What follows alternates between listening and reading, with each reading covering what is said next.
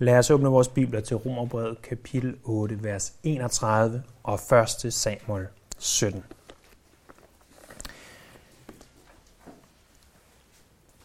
Romerbrevet kapitel 8, vers 31 fortælles måske bedst i en historie. I en af Bibelens bedst kendte historier. Det er historien, som på overfladen handler om den lille imod den store. Øh, det er historien, øh, som selvom du ikke har det, der skal til, ser det ud til, så kan du stadig sejre. Og vi kender den historie bedst som historien om David og Goliat. Men inden vi vender os imod til at Bindedalen, og hvad der skete for 3000 år siden med David, så lad os først se på den tekst, som vi er nået til i Romerbrevets 8. kapitel. Som I måske husker, så er Romerbrevet kapitel 1-8 en udlægning af det, som Paulus siger i kapitel 1, vers 16 og 17. Husker I, hvad han sagde der? Han sagde, jeg skammer mig ikke ved evangeliet, for det er Guds kraft til frelse for enhver, som tror. For jøde først, og så for græker. For i det er Guds retfærdighed åbenbaret, og det fra tro til tro. Og så i vers 18 af kapitel 1 går han i gang og siger, alle har syndet. Alle har brug for at blive frelst. Alle, uden undtagelse. Hvordan bliver de frelst? Ved tro. Ved at Gud erklærer dem retfærdige ved deres tro alene. Og så da vi kom til kapitel 5, så øh, kommer vi til det her spørgsmål med, at hvis vi er erklæret retfærdige ved tro, kan vi så være sikre på, at vi forbliver frelst. Og ja, erklærer apostlen, vi kan vide og sikre i vores frelse, hvis vi virkelig er frelst. Det, det er det, som Romerbrevets kapitel 1 til 8 handler om. Og så siger Paulus her i vers 31, hvad er der der mere at sige? Er, er der mere at sige? Nu har vi sagt alt det her. Er der mere at sige? Eller måske, hvis han havde skrevet i dag, havde han sagt, lad mig komme med en opsummering. Lad mig opsummere, for nu er jeg snart færdig med første halvdel af bogen. Og han afrunder det med de her vers 31-39, som blandt andet er kendt som vidshedens hymne. Det lyder flot. Øh, øh, men, men altså ord om, en salme om, øh, øh, vers om, det at vi kan vide og sikre i vores frelse, at hvis vi er frelst, så vil vi forblive frelst.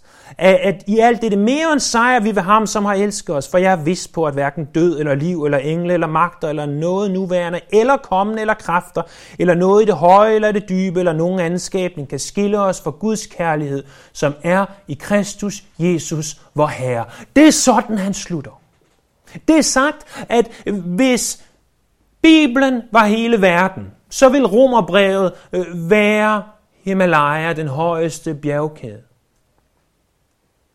Og, og hvis romerbrevet er den højeste bjergkæde, så er romerbrevets 8. kapitel det højeste bjerg, nemlig Mount Everest. Og hvis romerbrevets 8. kapitel er Mount Everest, så ville vers 31-39 være selve toppen i 8.848 meter over havet, eller hvor meget sne der måtte ligge på den den dag. Selve toppen, klimakset, at det bliver faktisk ikke større end det her. At Gud har frelst os ganske ufortjent. Og, og, at, og at han sikrer sig, at vi når målet. Det bliver næppe mere fantastisk. Og for at forstå, hvorfor det er sådan, så lad os tage en tur med David og Goliat til Tirbindedalen. Lad os prøve at læse nogle af de så, så velkendte vers fra 1. Samuel 17. Jeg ved godt, I kender dem. Jeg ved godt, at vi har hørt historien måske 100 gange før. Vi læser den selv tit som godnat-historie. En makaber godnat-historie giver jeg, men alt andet lige en, der har masser at lære os. Det er jo et ganske, ganske langt kapitel. Øh, og for at vi ikke må, må miste skoven for bare træer, så, så lad os starte i vers 20. Her har vi hørt, at Goliat træder frem hver dag og udfordrer Israels øh, slagrækker til kamp. Til en tvækamp. Og at lille David, den yngste af otte børn, er hjemme hos sin far. De tre ældste brødre er i krig. Og David bliver så sendt af faren til Tirbindedalen med noget mad og en hilsen til brødrene for at høre, hvordan det går. Han forlader forerne, står der, og så står der her i vers 20. Tidligt næste morgen overlod David forerne til en anden hyrde og begav sig afsted, sådan som Isai havde befalet ham. Da han kom til vognborgen, var her netop ved at rykke ud i slagorden. Og den udstødte kampråbet. Israel og filisterne stod opstillet i slagorden over for hinanden. David forlod, overlod sine ting til vagten ved trodset, løb ind i slagrækken og kom hen og hilste på sine brødre. Mens han talte med dem, trådte en kriger frem af filisternes slagrække og udfordrede til tvekamp. Han hed Goliat, filisteren, og var fra Gat. Han talte, som han plejede, og det hørte David. Da Israels mænd så ham, blev de alle meget bange og flygtede for ham. Har I set den mand, som træder frem der? sagde Israels mænd. Det er for at håne Israel, han træder frem. Men den mand, som slår ham ihjel, vil kongen gøre meget rig. Han vil give ham sin datter og hans fars slægt, og han vil gøre, den vil han gøre til frie mænd i Israel. David spurgte de mænd, der stod sammen med ham, hvad er det, man vil gøre ved ham, der slår filisteren ihjel og fjerner forhåndelsen fra Israel? Hvem er egentlig denne uomskårende filister, siden han tør håne den levende Guds slagrækker? Folkene gav ham det samme svar, at sådan og sådan vil man gøre med den mand, der slog ham ihjel. Men Eliab, Davids ældste bror, hørte ham tale med mændene og blev vred på ham og sagde, øh, hvorfor er du egentlig kommet herned? Hvem har du overladt din lille forflok i ørkenen til? Jeg ved godt, hvor fræk og hvor ondskabsfuld du er. Du er bare kommet herned for at følge slagets gang. David svarede, hvad har jeg nu gjort? Jeg spurgte jo bare. Så vendte han sig fra ham og spurgte en anden om, den, om det samme og fik samme svar. Det rygtedes, hvad David havde sagt, og man fortalte det til Saul, som lod ham hente. David sagde til Saul, Herre, du skal ikke tabe modet på grund af denne filister. Nu går jeg hen og kæmper med ham. Men Saul sagde til David, du kan ikke gå imod denne filister og give dig i kamp med ham, for du er altså kun en dreng, mens han har været kriger, siden han var ung. Men David svarede Saul, Herre, jeg har, en for, jeg har været forhørte hos min far. Kom der en løve eller en bjørn og tog et dyr fra jorden, gik jeg ud efter den, fik ram på den og rev dyret ud af gabet på den. Gik den løs på mig, greb jeg den i manken og slog den ihjel. Både løver og bjørne har jeg slået ihjel her.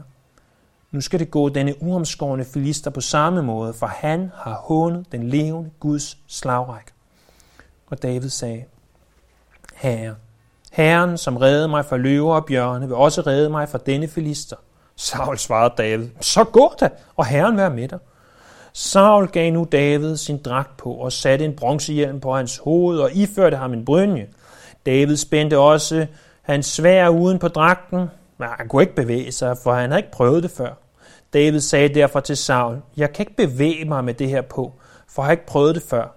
Så tog han det af, greb sin stav og udsøgte sig fem glatte sten fra bækken, lagde, dem lagde han i sin hyrdetaske, og med sin slynge i hånden gik han hen mod filisteren. Samtidig kom filisteren nærmere og nærmere til David, og skjoldbæren gik foran ham. Da filisteren så op og fik øje på David, blev han fyldt med foragt for ham. Det var jo bare en rødmosset dreng, der så godt ud.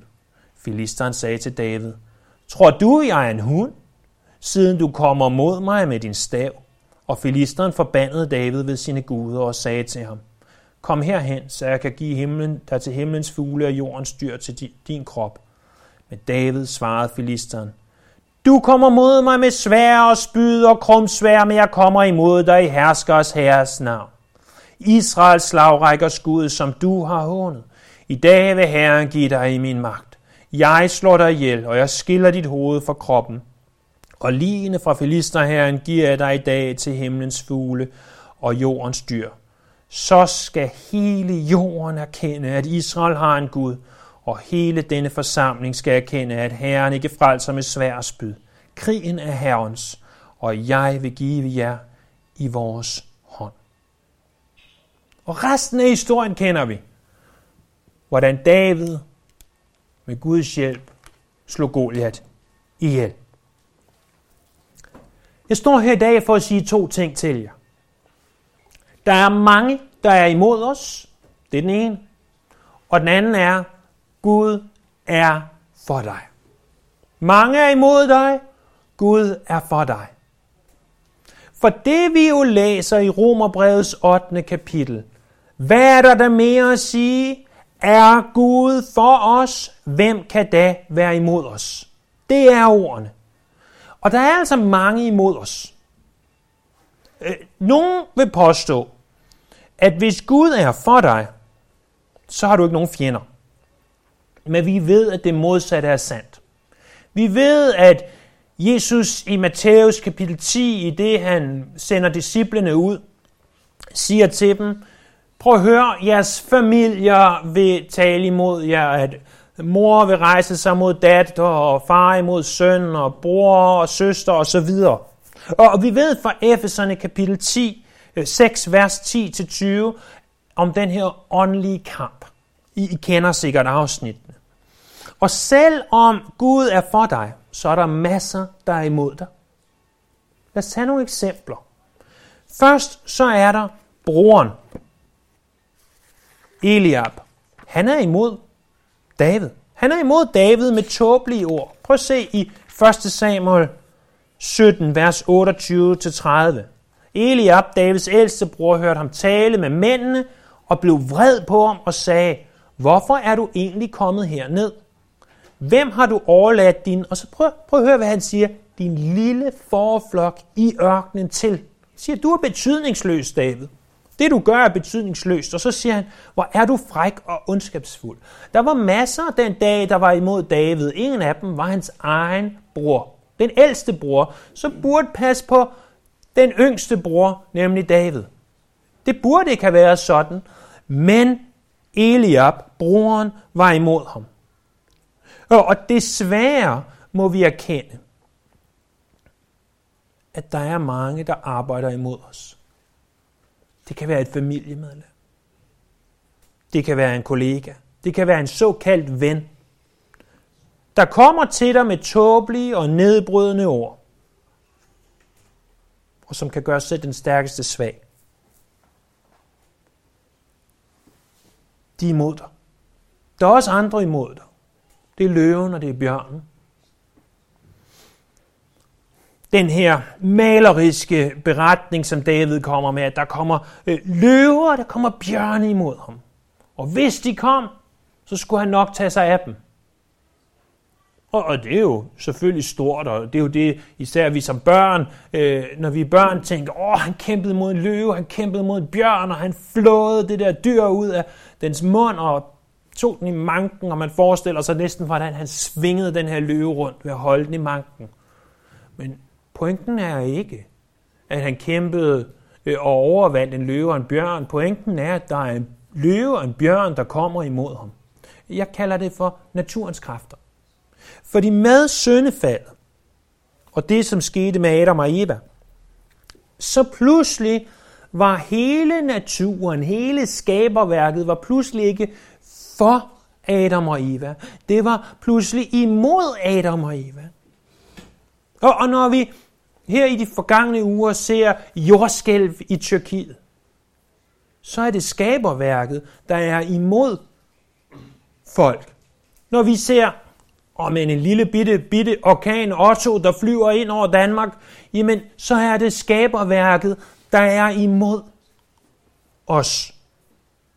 Når vi ser tsunamier, når vi ser oversvømmelser, orkaner, selv løver og bjørne, der måtte angribe, så er det skaberværket, der går imod os på grund af den synd, der kom ind i verden. Kan tilføje til den her liste al form for sygdom, der kan ramme os og vil ramme os, selvom vi er kristne. Hvilken fjende, hvilken usynlig fjende, som vi ikke ser komme, og som angriber os, når vi tror, vi er stærkest. Øh, hvis du tror, at du ikke har nogen fjender, så tager du fejl. For Eliab, din bror, er imod dig. Løver og bjørne er imod dig. Og for det tredje, Goliat er imod dig. Goliat, den her kæmpe, omtrent 3 meter høj, spyd og svær og så videre, som vi andre ikke vil tænke på at løfte. Han kommer ind i kampen som Israels ærkefjende. Men som er vel observeret før, så er Goliat ikke bare Israels ærkefjende. Jeg ved ikke, om du lagde mærke til, hvor mange gange David sagde, og der stod, at han har hånet. Han har hånet Gud. For det er det, Goliat gør. Og, og vi ser i særdeleshed der i vers 43, at filisteren sagde til David, tror du, jeg er en hund, siden du kommer mod mig med din stav? Og filisteren forbandede David ved sine guder. Goliat repræsenterer alt satanisk, alt djævelsk, alt det, som er så ganske modbydeligt at tænke på. Vores og Guds ærkefjende. Han, han kommer der og, og håner Gud og siger, Gud, du kan ikke noget. Således at 1. Samuel 17, mere end at være en tvekamp imellem David og Goliat, i virkeligheden er det imellem Gud og Satan. Vi tænker så tit på David og på, hvor fantastisk han var. Men David er den lille i historien, og Gud er den store. Jeg har allerede refereret til Efeserne 6 om den åndelige krigsførelse. Men minder også om 1. Peter 5.8, at Satan går omkring som en brølende løve, for at se, om der er nogen, han kan tale sødt til.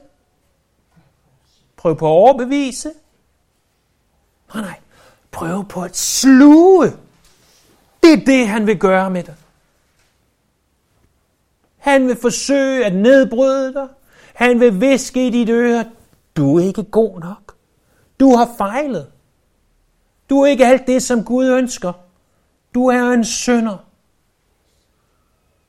Du siger, du er retfærdiggjort, men hvorfor synder du så stadig? Du, du siger, du er den her fantastiske kristne. Du siger, du er en bibeltro kristen, men tror du virkelig på Bibelen? Og alt det visker han i dit øre. Og i svaghedens øjeblik, der tror vi på. Der tror vi på.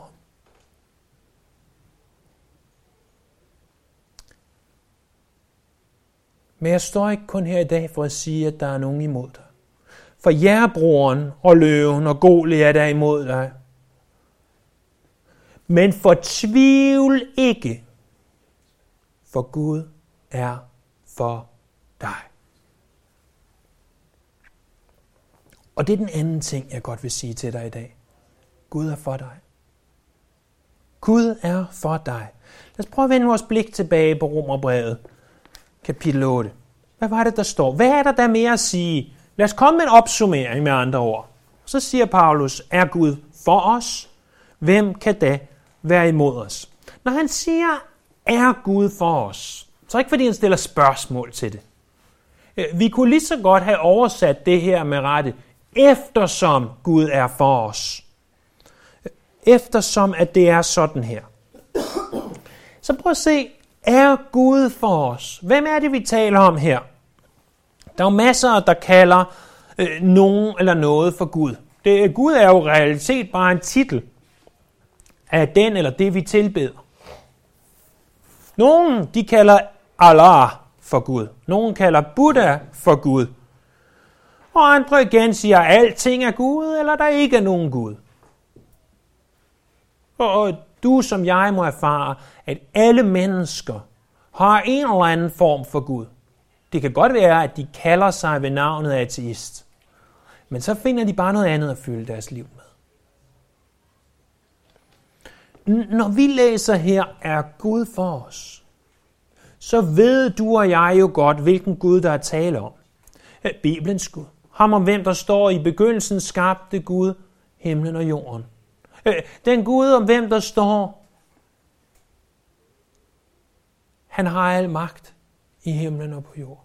Den Gud, om hvem der står, at han blev menneske og forblev uden synd. Om den Gud, om hvem der står, at han døde på et kors. Og den Gud, om hvem der står, at han opstod fra de døde. Det er den Gud. Det er den Gud, der er fra os. Den for os. Det er den Gud, som har al magt i himlen og på jorden. Og så står der til sidst, der står er Gud, og så de to ord for os. Når vi næste søndag, eller næste gang vi er i Romerbrevet, om Herren vil, kommer til vers 32, så vil vi læse det her. Han, som ikke sparede sin egen søn, men gav ham hen for os alle, vil han ikke med ham skænke os alt?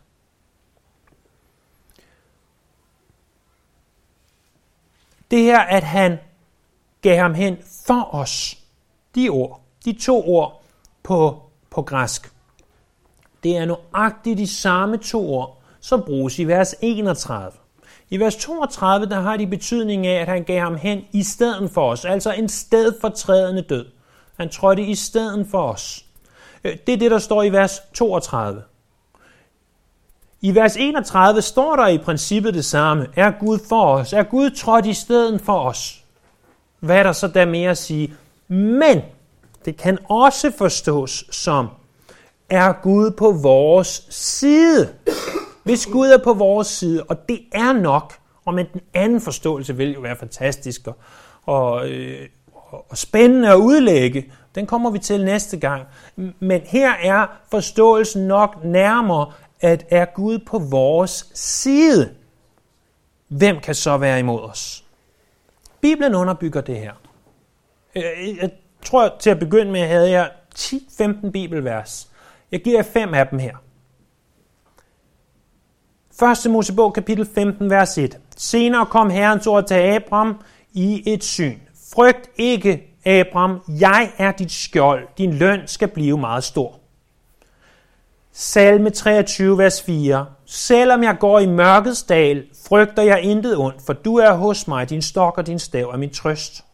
Salme 27, vers 1. Herren er mit lys og min frelse. Hvem skal jeg da frygte? Herren er mærken for mit liv. Hvem skal jeg da være bange for? Salme 118, vers 6. Herren er hos mig, jeg frygter ikke, hvad kan mennesker gøre mig? Og endelig 1. Johannes 4, 4. I er Gud, kære børn, og I har overvundet dem, for han, som er i jer, er større end han, som er i verden.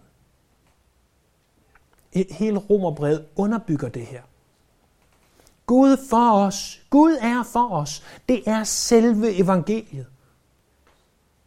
Gud er for os. Det er en opsummering af det, som er sagt indtil nu.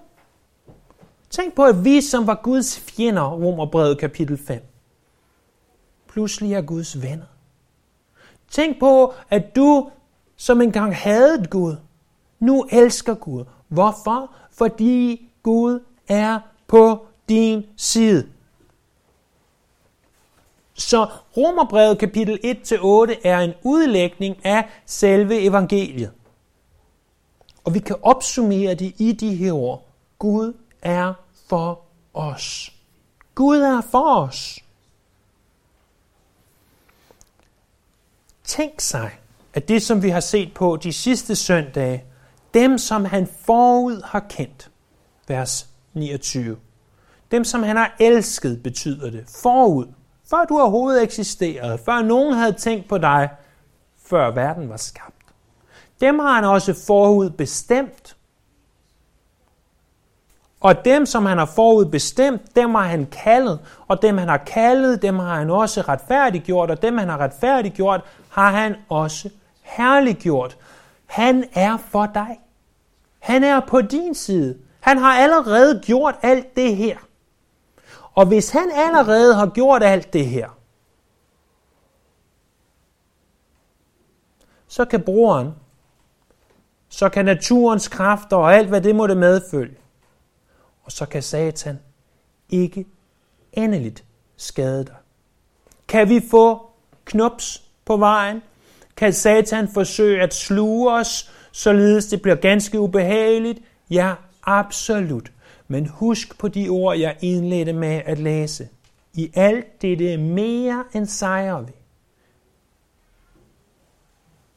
ved ham, som har elsket os, og jeg er vis på, at hverken død eller liv eller engle eller magter eller noget nuværende, eller kommende eller kræfter, eller noget i det høje eller i det dybe, eller nogen anden skabning, kan skille os fra Guds kærlighed, som er i Kristus Jesus, vor Herre.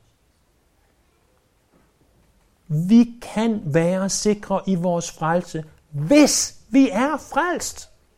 Hvis vi er frelst, og det er det, jeg igen og igen understreger, sikrer dig, at du er frelst. For hvis du sikrer dig det, så kan du være sikker, at uanset hvem og hvad, der kommer imod dig, så er der derfor ingen fordømmelse for de, som er i Kristus Jesus, vor Herre. Så er der da ikke nogen, der kan være imod os, fordi Gud er for os. Lad os lige prøve en sidste gang at vende os til Terbindedalen og David og Goliat. For hvad er det, David han siger til den uomskårne filister? Han siger sådan set det samme. Prøv at se i vers 45 af 1. Samuel 17. David svarede filisteren, du kommer mod mig med svær og med spyd og med krumsvær. Men jeg kommer mod dig i herskers herres navn. Israels slagrækkers Gud, som du har hånet. I dag vil Herren give dig i min magt. Jeg slår dig ihjel og skiller dit hoved fra kroppen. Og lignende fra filisterherren giver jeg i dag til himlens fugle og jordens dyr. Så skal hele jorden erkende, at Israel har en Gud. Øh, prøv at høre. Goliat må have været mere skræmmende end noget, som du og jeg nogensinde har set med vores fysiske øjne. Og David står foran ham og siger, jeg ved godt, du er min fjende. Og jeg ved godt, du er Guds fjende. Men Gud er stærkere end dig. Jeg ved nogle af de ting, som du gennemgår lige nu, men jeg ved ikke alt. Jeg, jeg ved ikke, om det er Eliab, de som burde være dine venner, dine kollegaer, øh, eller de som kommer imod dig, og som er dine fjender i dag. Jeg ved ikke, om det er sygdom nødvendigvis. Jeg ved ikke, om det er de ting, der sker for alle mennesker i naturkatastrofer, eller det, der måtte være mindre, der kommer imod dig. Jeg ved, at Satan hader dig og vil sluge dig. Jeg ved ikke, om du føler hans angreb specielt lige nu. Men jeg ved én ting. Gud er for dig. Gud er for dig. Hvad kan mennesker gøre mig? De kan brænde mig. De kan skyde mig. De kan sable mig ned. De kan hugge hovedet af mig og giv mig til fuglene og alle de forfærdelige ting. Ja, det kan de godt. Men ultimativt kan de intet gøre mig. For jeg er sikker i Guds hånd, og jeg ved, jeg vil nå målet. Jeg ved, jeg vil nå over målstregen. Jeg ved, jeg vil blive herliggjort, fordi Gud er for mig. Og, og det kan være, det koster mig mine venner. Det kan være, det koster mig mit liv. Men jeg ved, at Gud er for mig. Og, og når Gud er for dig, så er det som vi tager en af de her gamle, gamle dages vægte, som vi aldrig rigtig ser mere. I, I ved der, hvor at, at man lægger noget på den ene side, og så lægger man et lod på den anden side. Fjenderne på den ene side er som en fjer.